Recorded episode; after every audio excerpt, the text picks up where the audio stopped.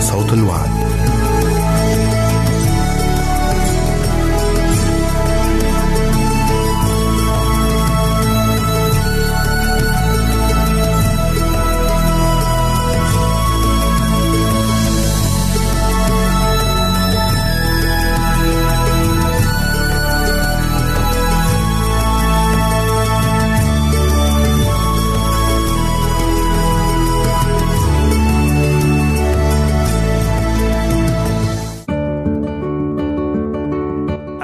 المستمعين والمستمعات. راديو صوت الوعد يتشرف باستقبال رسائلكم ومكالمتكم على الرقم التالي 00 961 سبعة ستة ثمانية ثمانية ثمانية أربعة واحد تسعة.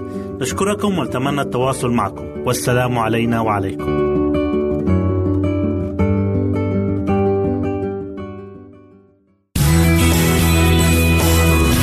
يمكنك استماع وتحميل برامجنا من موقعنا على الإنترنت. www.awr.org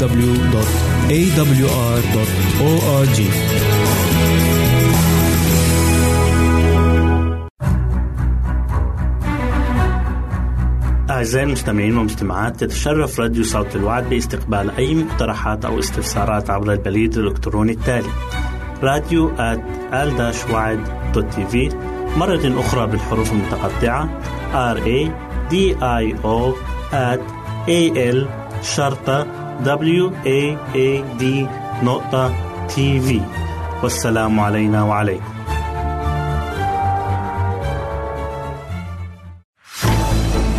أعزائي المستمعين والمستمعات راديو صوت الوعد لا يكتفي بخدمتكم عبر الموجات الصوتية فقط بل وإنه يطرح لكم موقعا إلكترونيا يمكنكم من خلاله مشاهدة أجمل البرامج الدينية الثقافية الاجتماعية وغيرها من المواضيع الشيقة.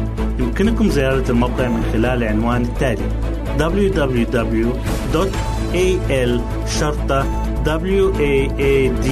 www.al-waad.tv مرة أخرى بالحروف المتقطعة. www.al-waad.tv والسلام علينا وعليكم.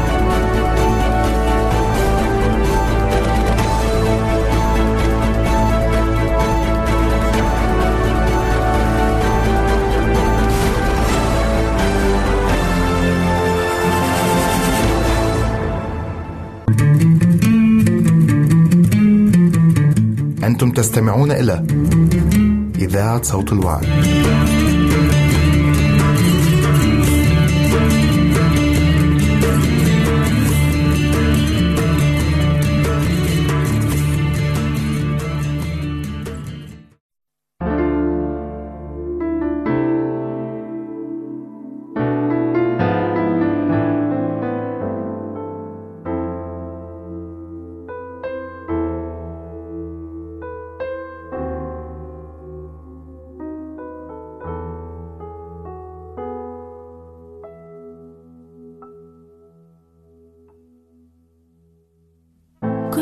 المجد والإكرام كل الحكمة والتسبيح كل الشكر والتعظيم كل القوة والقدرة لإلهنا القدير إلى دهر الدهور.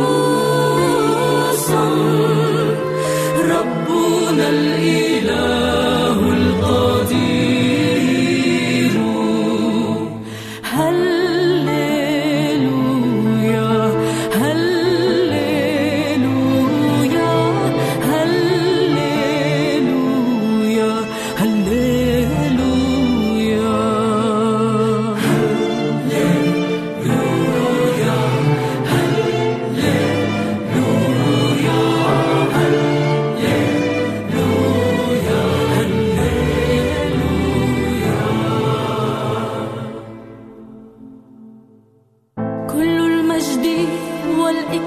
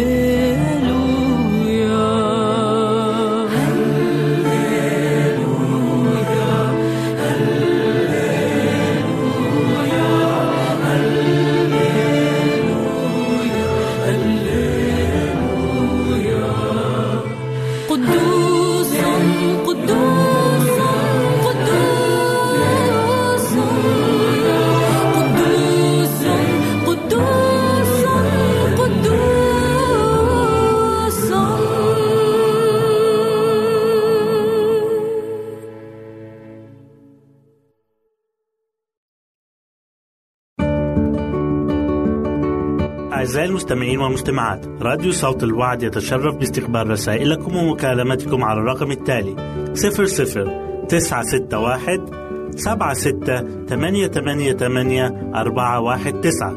نشكركم ونتمنى التواصل معكم. والسلام علينا وعليكم.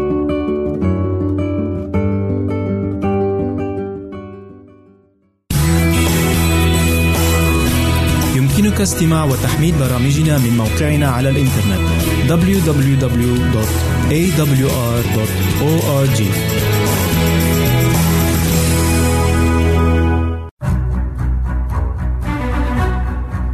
أعزائي المستمعين والمستمعات تتشرف راديو صوت الوعد باستقبال أي مقترحات أو استفسارات عبر البريد الإلكتروني التالي راديو في مرة أخرى بالحروف المتقطعة R A D I O at A L شرطة W A A D نقطة تي في والسلام علينا وعليكم. أهلا وسهلا بكم مستمعينا الكرام في كل مكان. يسعدني أن أقدم لكم برنامج السراج المنير. وحلقة اليوم بعنوان لا تحرق نفسك. وقف أحدهم أمام الملك وقال له يا جلالة الملك يسعدني أن أعلن عن اكتشافي للماء المشتعل أي البترول. فذهل الجميع عند سماعهم هذه العبارة ماء مشتعل؟ كيف يشتعل الماء؟ وهو الذي يطفئ النار المشتعلة. كان العالم في هذا الوقت لا يعرف البترول. لكن لكي يثبت هذا الشخص كلامه أمام الملك وللشعب طلب من الملك أن يحضر له أحد عبيده. وأوقفه أمام الجميع. وسكب على العبد من هذا الماء. والجميع شاخصين إليه بترقب ودهشة. ثم قرب النار من جسد ذلك العبد. وما لبثت أن النيران اشتعلت وتوجهت إلى جسد العبد المسكين لتغطيه من هامة رأسه إلى باطن قدميه. وفرح الجميع وأخذوا يصفقوا لما رأوه ظانين أن هذه أعجوبة. ماء مشتعل لم يسبق لهم أن يروا شيئا مماثل لهذا. يا له من اكتشاف عظيم. وقد ساعد البترول فيما بعد في النهضة الصناعية على مستوى أوروبا والعالم أجمع. ولا يزال إلى الآن البترول هو ثروة الأمم. وصفق الجميع لهذا الاكتشاف العظيم. وصار الفرح يعم كل الأرجاء من الكبير إلى الصغير مبتدئا من القصر الملكي. وأخذوا يكرموا هذا المكتشف صاحب هذا الفضل العظيم عليهم وعلى العالم أجمع. لكن يوجد إنسان واحد فقط هو الذي حزن وتألم لهذا الاكتشاف. من هو هذا الشخص يا ترى؟ إنه ذلك العبد البائس المغلوب على أمره الذي اشعله فيه النيران ليصبح هو حقل التجربة لهذا الاكتشاف. فقد أكلت النيران جسده أمام الجميع ولم يحاول أحد إطفاؤها أو مساعدته. ولكن الجميع كانوا يريدون المزيد من الماء المشتعل على جسد ذلك العبد البائس المسكين ولم يبالوا بصراخه وفزعه من حريق النيران لجسده المشتعل دون رحمة أو شفقة. نعم، لقد ظلم ذلك العبد، ولكن من يبالي بالعبيد؟ ومن يسمع لأناتهم؟ ومن يهتم بحقوقهم؟ إنه عبد لا قيمة له، لا احترام له ولا أهمية، إنه ملك لسيده جسدا وروحا وإرادة. يجب أن نشكر الله الآن أننا لسنا في زمن العبيد والعبودية. ونقول أحمد الله أننا لسنا عبيدا بل أحرارا. نتمتع بحرية الإرادة والتصرفات. ولا يستعبدنا أحد. لكن للأسف لا يزال هناك من يعتقد أنهم أحرارا وهم عبيد. نعم عبيد. لا بل هم أكثر من عبيد لأنهم عبيد للخطية. يقول الكتاب المقدس في إنجيل يوحنا إصحاح 8 والآية 34 قال يسوع الحق الحق أقول لكم إن كل من يعمل الخطية هو عبد للخطية. نعم أن كل خاطي هو عبد للخطية التي يفعلها وعبد لشهواته ورغباته وكبريائه عبد لسيد قاسي لا يرحم ولا يشفق لا يتركه إلا وقد احترق تماما. لا بل أكثر من ذلك فهو دائما يطلب المزيد ويقودهم إلى المصير المظلم إلى النار المعدة لإبليس وملائكته. وهذا ما ذكر في بشارة متى الرسول إصحاح 25 والآية 41 ثم يقول أيضا للذين عن اليسار اذهبوا عني يا ملاعين إلى النار الأبدية المعدة لإبليس وملائكته. ونرى دائما أن الخاطي يسقط في فخ إبليس والفخ كان الوسيلة البدائية لصيد الفريسة أو الأعداء.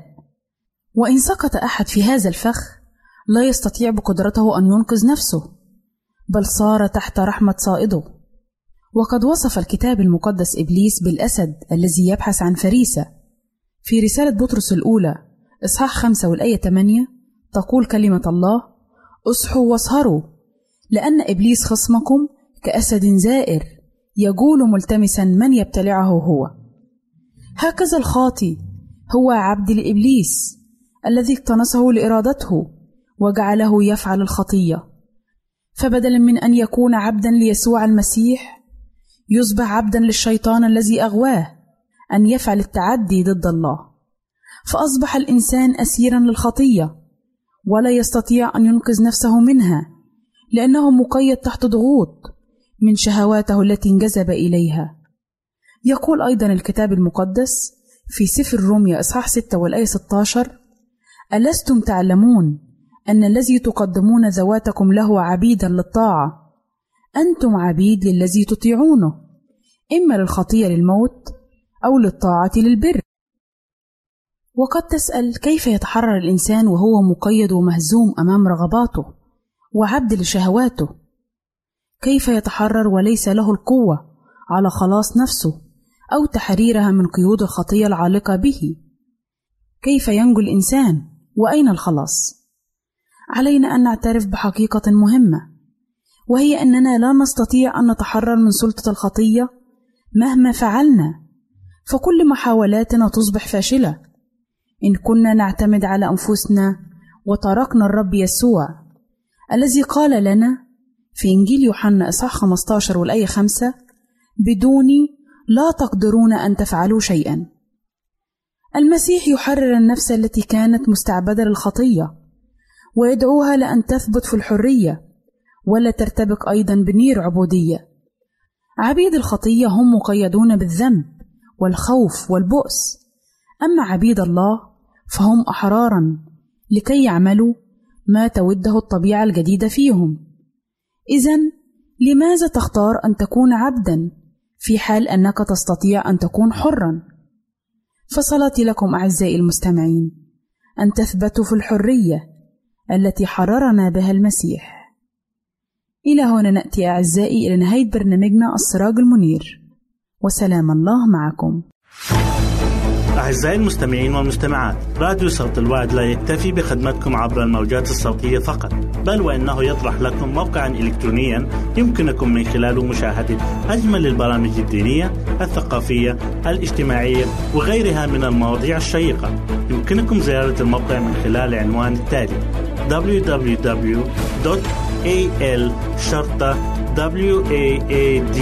www.al-waad.tv مرة أخرى بالحروف المتقطعة www.al-waad.tv والسلام علينا وعليكم.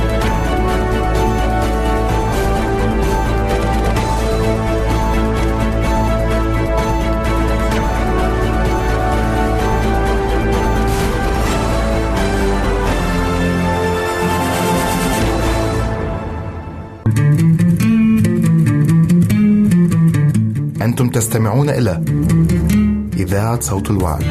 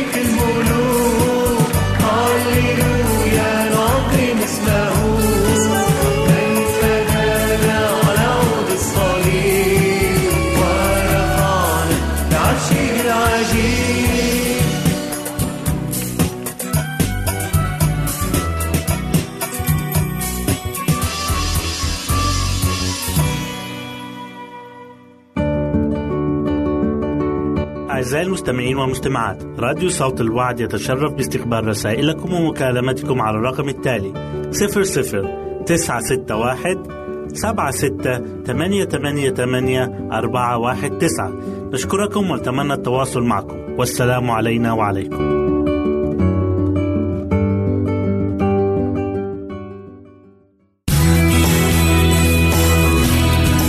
استماع وتحميل برامجنا من موقعنا على الإنترنت www.awr.org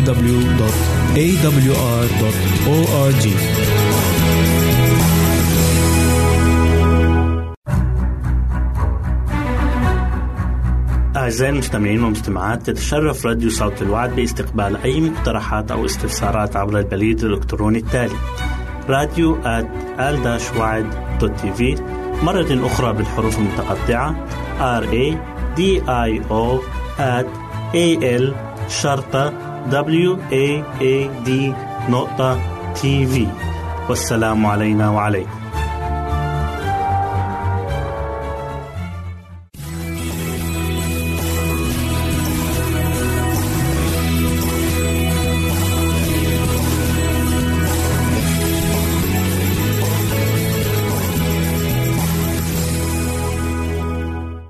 أهلا وسهلا بكم مستمعينا الكرام في كل مكان.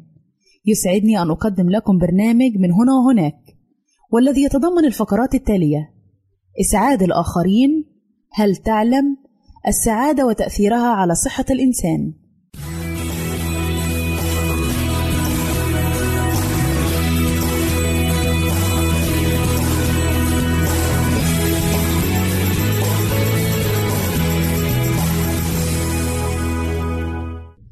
فقراتنا نتكلم فيها عن إسعاد الآخرين. إن التعاون بين الناس من أهم وسائل زرع الود والألفة بينهم. هكذا نتعلم أن العطاء أفضل من الأخذ. كي تسعد من حولك ابتسم واجعل الابتسامة أسلوب حياتك. فلا شيء سوى الابتسامة تجعلك سعيدا وبها تسعد من حولك. ابتسم في وجه أخيك وبادله مشاعر الإخوة في فرحه وبهجته. ربما لاحظت كيف تحسن مزاجك ذات مرة عندما ابتسم لك شخص بصدق. لذلك حاول أن تبتسم دائما، فإن ابتسامتك قد تساعد في إسعاد آخرين. السعيد من أسعد غيره، والكريم من شمل الآخرين بكرمه، والطيب من شعر الناس بالأمان بوجوده. يحبونه ويحبهم أفضل ما يمكنك أن تهديه إلى الآخرين هو حبا دون نفاق، سعادة دون حدود، قلبا محبا دون رياء، أن تكون إنسانا فقط دون أي انتماءات، فنحن لا نحتاج شعارات في الحياة، نحتاج فقط الإحساس بالآخرين، نحتاج سموا بالنفس التي منحنا الله إياها، فالحياة حبا لمن حولك إن ثروة الإنسان هي حب الآخرين. إن أجمل ما يجد المرء في حياته أن يجد نفسه سببا في سعادة الآخرين. وأجمل ما قيل عن السعادة هو: حرر قلبك من الكراهية، حرر عقلك من الهموم، عش ببساطة، وكن كريما في العطاء، فإن من أتقن الصبر لن تكسره الحياة. ومن تقاسم السعادة مع الآخرين أحس بقيمة الإنسانية، وقبل أن تحاول إسعاد الآخرين يجب أولا أن تكون أنت سعيدا، فلن تكون سعيدا ما دمت ساخطا على حياتك ومعيشتك، فلا بد من الرضا بحالك مع السعي في التخلص من عيوبك والسعي في تحقيق أهدافك. لا تتردد بتقديم المساعدة والدعم للأشخاص الذين يحتاجون إليها. إذ أن تقديمك يد العون يساعد في تعزيز صحتك وبث شعور السعادة في نفسك.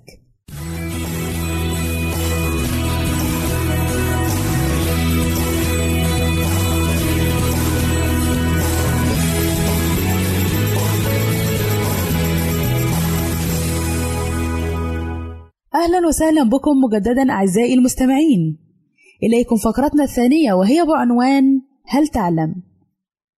هل تعلم أن السعادة تساعد على تقوية عضلة القلب وتمنع خطورة الإصابة بالأزمات القلبية؟ هل تعلم أن السعادة تعمل على تقوية الجهاز الهضمي وتسهيل عملية التمثيل الغذائي مما يجعلك تشعرين بخفة جسمك طوال الوقت؟ هل تعلم أن الشعور بالسعادة يقلل من التوتر والقلق مما يساعد على تهدئة الأعصاب وعضلات الجسم؟ هل تعلم أن من فوائد السعادة على صحة الجسم أنها تملأه بالطاقة الإيجابية والحماس مما يزيد من نشاطك وقدراتك الإنتاجية؟ هل تعلم أن الشعور بالسعادة يساعد على تقوية مناعة الجسم؟ هل تعلم أن السعادة وصفة طبيعية تخلصك من الصداع وآلام الرأس؟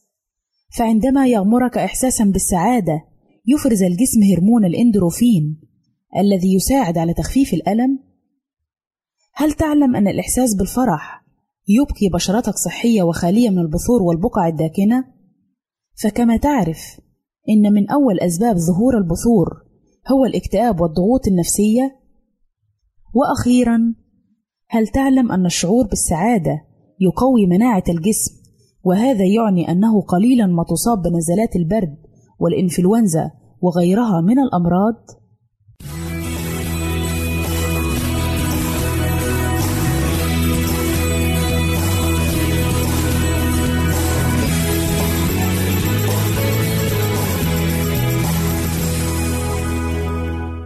أهلا وسهلا بكم مجددا أعزائي المستمعين إليكم فقرتنا الثالثة والأخيرة والتي نتكلم فيها عن السعادة وتأثيرها على صحة الإنسان.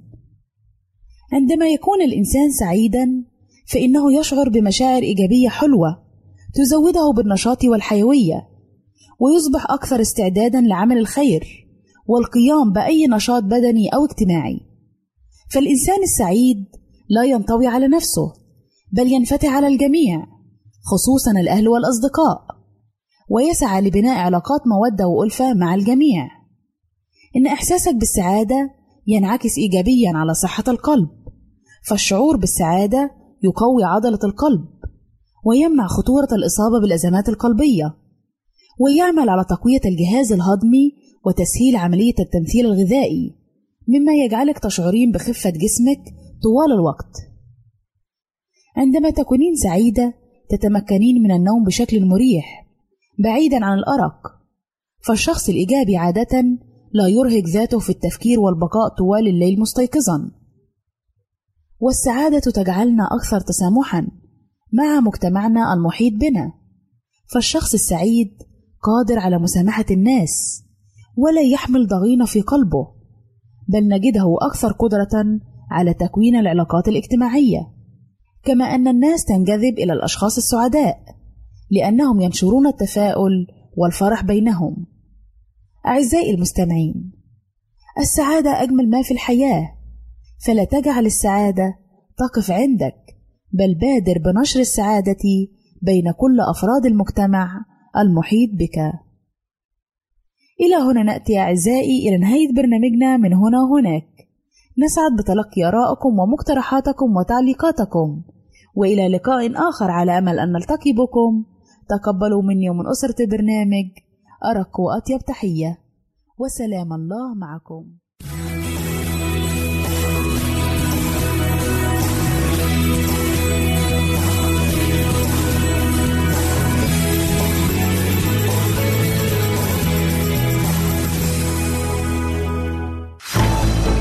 أعزائي المستمعين والمستمعات راديو صوت الوعد لا يكتفي بخدمتكم عبر الموجات الصوتية فقط بل وإنه يطرح لكم موقعا إلكترونيا يمكنكم من خلاله مشاهدة أجمل البرامج الدينية الثقافية الاجتماعية وغيرها من المواضيع الشيقة. يمكنكم زيارة الموقع من خلال العنوان التالي www.al-waad.tv مرة أخرى بالحروف المتقطعة www.al-waad.tv والسلام علينا وعليكم.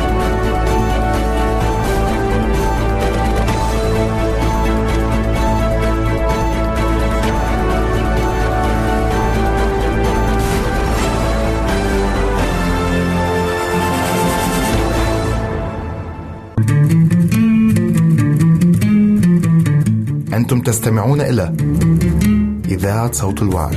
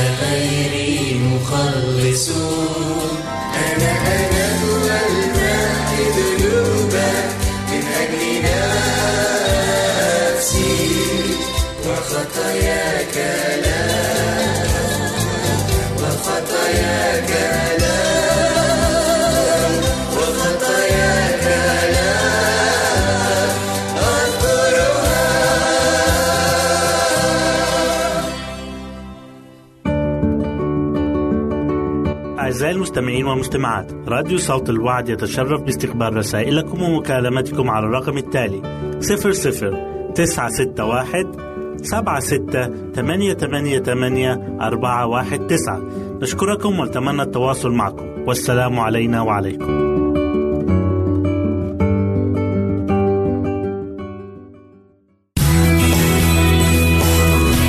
يمكنك استماع وتحميل برامجنا من موقعنا على الإنترنت www.awr.org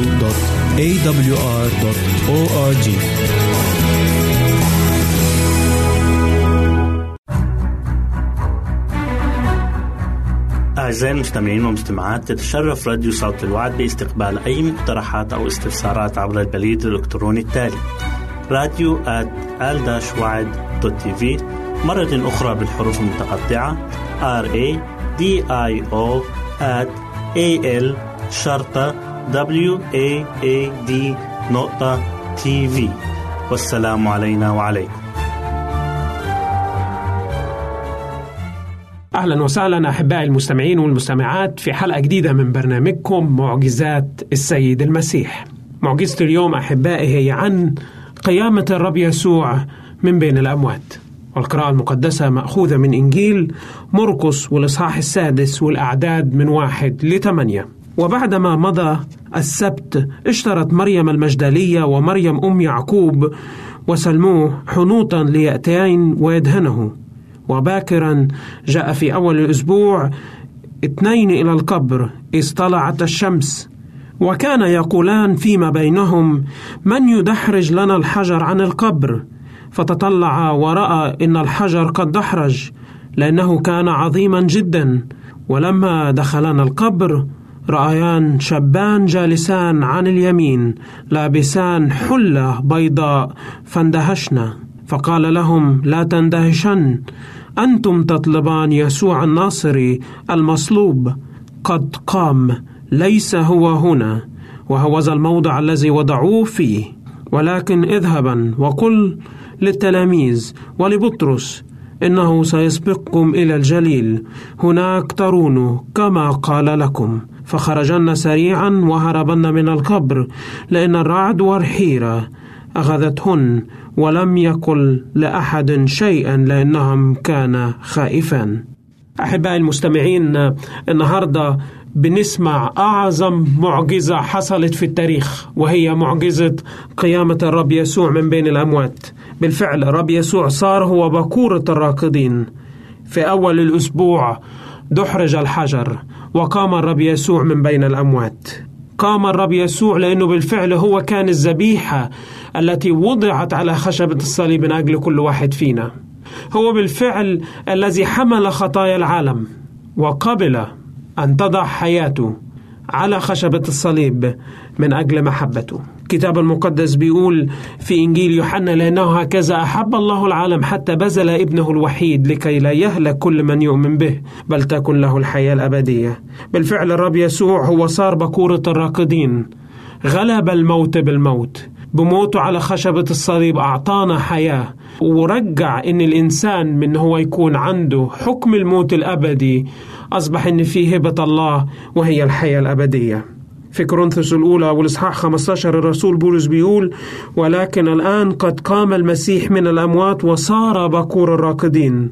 فإنه إذا الموت بإنسان بإنسان أيضا قيامة الأموات. لأنه كما في آدم يموت الجميع هكذا في المسيح سيحيا الجميع. ولكن كل واحد في رتبته المسيح بكورا ثم الذين للمسيح في مجيئه. بالفعل أحبائي إن قيامة المسيح هي دليل على الفداء اللي أنجزه شخص الرب يسوع على خشبة الصليب من أجل كل واحد فينا. كان على الأرض تماما. عمل كل مشيئة الآب والأعمال العظيمة اللي عملها الله علشان يقول إن أنا هرجعكم مرة تانية. بالفعل لما كانت أجرة الخطية هي موت ولا يوجد أمل ولا رجاء للجنس البشري أن يحيا مرة ثانية مع شخص الله. أتى الرب يسوع وقال ولكن هبة الله هي الحياة الأبدية. أخطأ آدم وحواء لما كانوا موجودين في جنة عدن وللأسف بسبب الخطية انفصلوا عن الله. ولكن بموت السيد المسيح رجع الإنسان مرة تانية إلى حضن الله الآب. الكتاب المقدس بيقول في تيموثاوس الأولى والإصحاح الثاني والعدد ثلاثة لأربعة لأنه هذا حسن ومقبول لدى مخلصنا الله الذي يريد أن جميع الناس يخلصون وإلى معرفة الحق يقبلون. بالفعل الرب يسوع حب خاصته. وأتى إلى هذا العالم من أجل خاصته. النهاردة جه علشان يدور عن النفوس الهالكة. للنفوس اللي ما كانش عندها رجاء. للنفوس اللي كان محكوم عليها بالموت. النفوس اللي كانت مسبية من قبل الشيطان. كان موت الرب يسوع على خشبة الصليب هي الذبيحة الكفارية اللي تقدمت من أجل كل إنسان فينا. لما الموت كان هو الطريق الوحيد للإنسان الرب يسوع. حمل الموت وشال من عننا عقاب الموت. موت الرب يسوع كان دليل وبرهان على محبة الله الأبدية لينا. كان دليل على عظمة الله وقدرته ومحبته. قبل الرب يسوع ان هو يتهان من أجل كل واحد فينا. قبل ان هو يلطم ويبصق على وجهه الكريم. الذي لم يعرف خطية صار خطية من أجلنا. في سفر اشعيا بيصف الرب يسوع بيقول مصاب مضروبا من الله ومذلولا. لا صورة له ولا جمال. خالق الكون وأجمل كائن موجود. لم يحسب خلسة أن يكون معادلا للآب. وتواضع ومات من أجلي ومن أجلك. تخيلوا معانا إن بيصف بولس الرسول شخص الرب يسوع في كورنثوس الثانية والإصحاح الخامس بيقول لأنه جعل الذي لم يعرف خطية خطية لأجلنا لنصير نحن بر الله فينا. كان الكفارة وكان الموت كان عقاب موجود على جنس الإنسان والجنس البشري. ولكن الرب يسوع النهاردة تحمل الألم وتحمل العار وتحمل قسوة الصليب وعذابه من أجل كل إنسان. مات النهاردة علشان تعيش أنت. مات من أجلي ومن أجلك ومن أجل كل إنسان بيسمعني اليوم. مات النهاردة علشان يدينا حياة أبدية. بالفعل تحمل الرب يسوع. عار الصليب وكانت الصليب هو أداة مشينة جدا وأداة تعذيب مؤلمة. ولكن محبة الله هي اللي وضعته على خشبة الصليب. محبة الله لكل إنسان اليوم يؤمن به ويقبله كمخلص وفادي شخصي في حياته. هو كل إنسان مدعو اليوم إنه ياخد هدية الخلاص المجاني ويكون عنده البر والتقوى بدم الرب يسوع. بالفعل موت الرب يسوع كان من أجل كل واحد فينا. علشان النهاردة يدينا حياة يدينا النهاردة أمل إن إحنا نقدر نعيش معاه مرة تانية. بالفعل لما كان الموت هو السبيل الوحيد قدام الإنسان جه الرب يسوع ومات عن خطايانا علشان يبررنا. كان القبر بالفعل فارغ في صباح يوم الأحد بس مش عشان التلاميذ جو علشان يشوفوه ولكن كان فارغ لأن المسيح غلب الموت بالموت. غلب عدو الإنسان الأول وهو كان الموت. حرر الجنس البشري من قبضة الشيطان. حرر الإنسان النهاردة من عبودية الموت ومن الموت الأبدي والمصير الحتمي وهو الانفصال عن الله. موت الرب يسوع جه علشان يوحد الجنس البشري يرجعه مرة تانية ويعيد العلاقة اللي انفصلت في جنة عدن لما آدم وحواء أخطأوا. في عبرانيين 13 والعدد 20 بيقول وإله السلام الذي قام من الأموات راعي الخراف العظيم ربنا يسوع المسيح بدم عهده الأبدي جعل الرب يسوع عهده إلى أبد الآبدين. مفيش موت للمؤمنين. مفيش مصير غير معلوم للمؤمنين ولكن بموت المسيح فتح أبواب الفردوس لكل إنسان يؤمن به. في روميا والإصحاح الثامن والعدد 11 الكتاب المقدس بيقول وإن كان الروح الذي أقام يسوع من الأموات ساكنا فيكم فالذي أقام المسيح من الأموات سيحيي أجسادكم المائتة أيضا بروحه الساكن فيكم. بالفعل الرب يسوع لما مات على خشبة الصليب بعت الروح القدس علشان تحيينا مرة تانية. أحبائي المستمعين والمستمعات ترك الرب يسوع فارغ والحجر كان مازال مختوم. وأتى من عذراء وأرسل ملاكه ودحرج الحجر علشان بالفعل علشان كل إنسان يؤمن فيه يعطيه ينبوع الحياة ويعطيه الغلبة عن الموت. في كرونسوس الإصحاح الخامس والعدد 17 بيقول إذ كان أحد في المسيح فهو خليقة جديدة الأشياء العتيقة قد مضت وهوذا الكل قد صار جديد. بالفعل أرسل الله ابنه وحيده علشان يموت من أجلي ومن أجلك ومن أجل كل إنسان النهاردة يؤمن به. ودليل على كده أن القبر ما زال فارغا لأن إله الكون قائم من بين الأموات. الكتاب المقدس بيقول الذي أسلم من أجل خطايانا وأقام لأجل تبريرنا. بالفعل مات الله اليوم علشان يعطينا حياة. هل تقبل الحياة الأبدية وهبة الحياة الأبدية معه؟ سعدت بوجودي معكم. سلام الرب لجميعكم وإلى اللقاء. أعزائي المستمعين والمستمعات راديو صوت الوعد لا يكتفي بخدمتكم عبر الموجات الصوتية فقط بل وإنه يطرح لكم موقعا إلكترونيا يمكنكم من خلاله مشاهدة أجمل البرامج الدينية الثقافية الاجتماعية وغيرها من المواضيع الشيقة. يمكنكم زيارة الموقع من خلال العنوان التالي www.al.waad.tv مرة أخرى بالحروف المتقطعة www.al.waad.tv والسلام علينا وعليكم.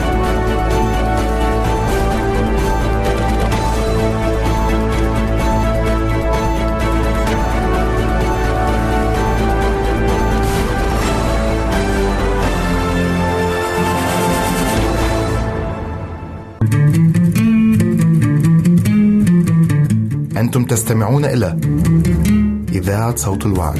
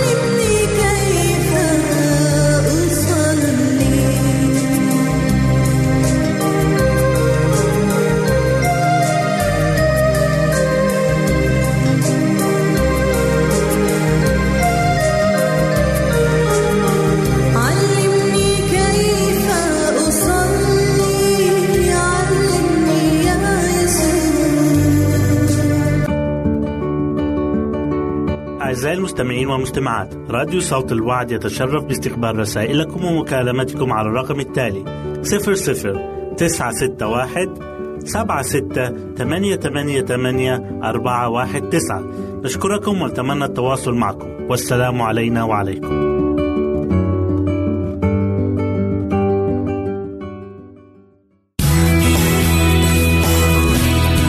يمكنك استماع وتحميل برامجنا من موقعنا على الإنترنت www.awr.org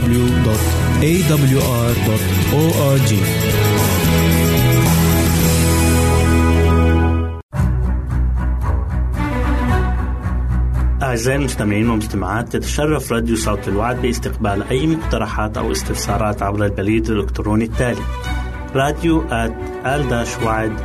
في مرة أخرى بالحروف المتقطعة R A D I O at A L شرطة W A A D نقطة تي في والسلام علينا وعليكم. أخي المستمع صحتك بالدني موضوع اليوم هو المراهقة. المراهقة فترة من فترات الحياة يمر بها الجميع شبابا وشابات. هذه المرحلة هي المرحلة التي ينتقل بها الإنسان من مرحلة الطفولة أو الولدنة إلى مرحلة النضوج. كونوا معنا. المراهقة هي فترة هامة وخطيرة جدا وعليها يتوقف الكثير من مستقبل هذا الشباب أو من مستقبل هذا الشاب أو هذه الشابة. فهو يعرف القليل عن الحياة ويظن نفسه أنه يعرف الكثير. فهو لا يريد أن يصغي لأحد ولا يقبل استشارة أحد لأنه سيد نفسه. وعندما يسأل هؤلاء المراهقون والمراهقات ماذا تريدون من أهلكم؟ فالجواب سيكون الثقة والاستماع إلينا. هذا مع العلم أن حاجات المراهق تكاد تكون واحدة في كل بقعة من بقاع العالم.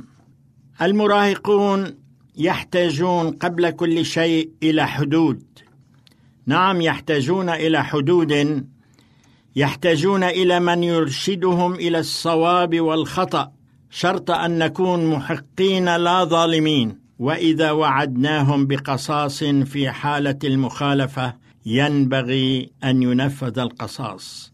أعرف أبا وعد ابنه بقصاص إذا أذنب وكان قصاصه هو أن ينام الليل كله في العلية حيث توجد الفئران والجرذان ولما أذنب المراهق وكان لا بد من أن ينفذ القصاص صعد الوالد مع ولده المراهق إلى العلية ونام معه الليل بكامله. نعم لقد نفذ القصاص ولكنه تحمل جزءا منه. ثانيا المراهقون يحتاجون إلى من يصغي إليهم. نحن نريدهم أن يصغوا إلينا إلى إرشاداتنا ونصائحنا وننسى أنهم يريدون منا أن نصغي إليهم. قد نكون منشغلين بأمور عديدة كالوظيفة وأشغال البيت ولا وقت عندنا لنصرفه مع أولادنا لنصغي إلى أسئلتهم ومشاكلهم. وهذا خطأ كبير لا مبرر له. يجب أن نستمع إليهم من دون وعظ طوال الوقت. إذا كبر ابنك خاويه هذا مثل حقيقي. إن المراهق يريد الدعم منكم وليس الخوف منكم. ولا يريدون أن تتدخلوا في شؤونهم. ثالثا المراهقون يريدون ثقتكم. وهذا يذكرنا بضرورة التربية والإعداد للثقة بالنفس منذ الصغر والاتكال على الذات عندما يذهب ابنك أو ابنتك المراهقة لزيارة زملاء لهم قولوا لهم أنا أثق بكم ولكن لا بأس أن أعرف أين تذهبون ومن تعاشرون. لا تهدموا الجسور ابدا بينكم وبين أولادكم.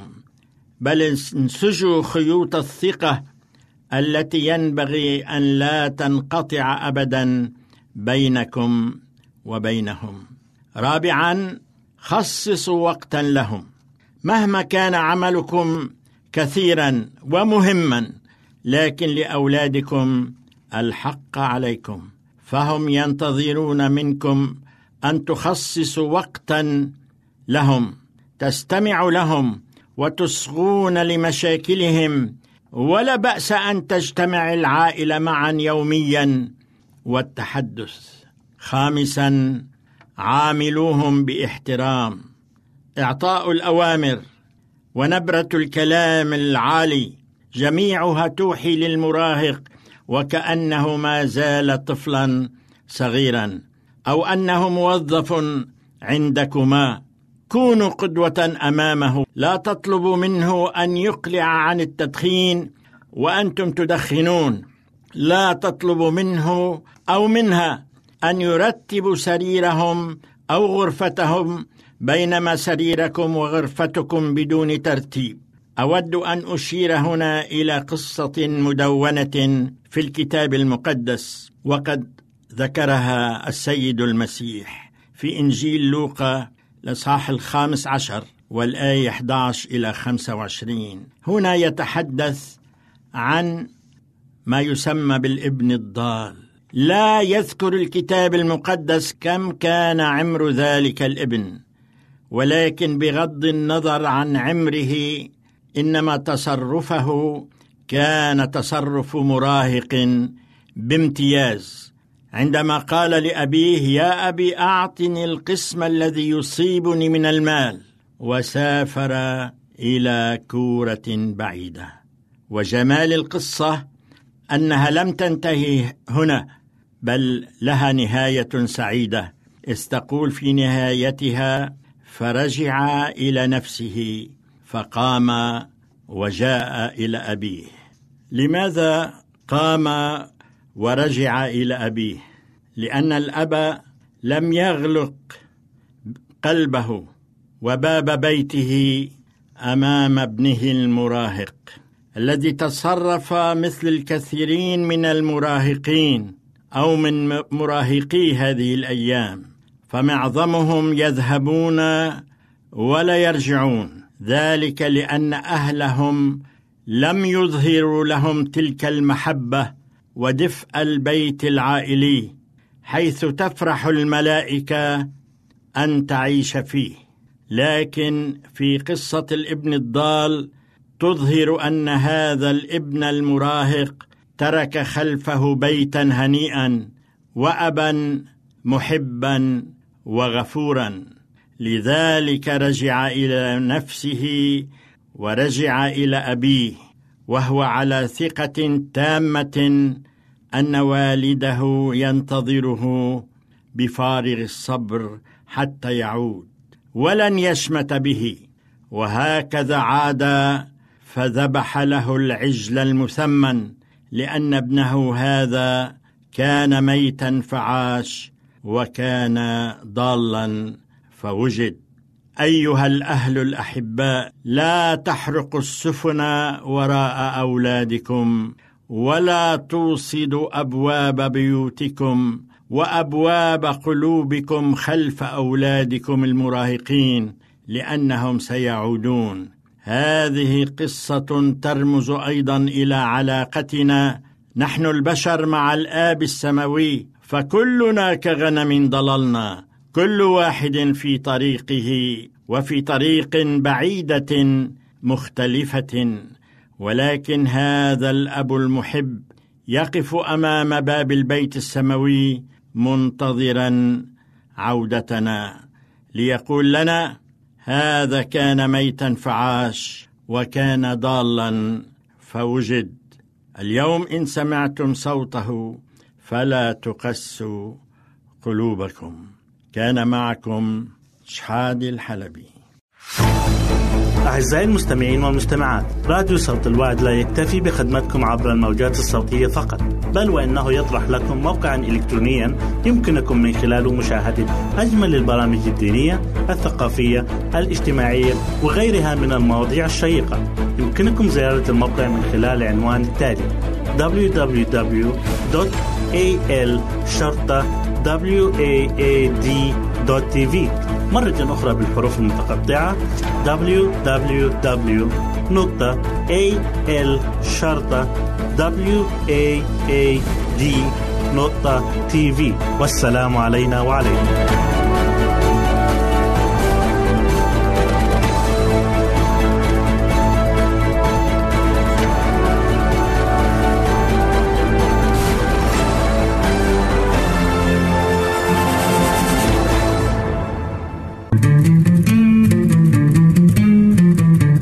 أنتم تستمعون إلى إذاعة صوت الوعد.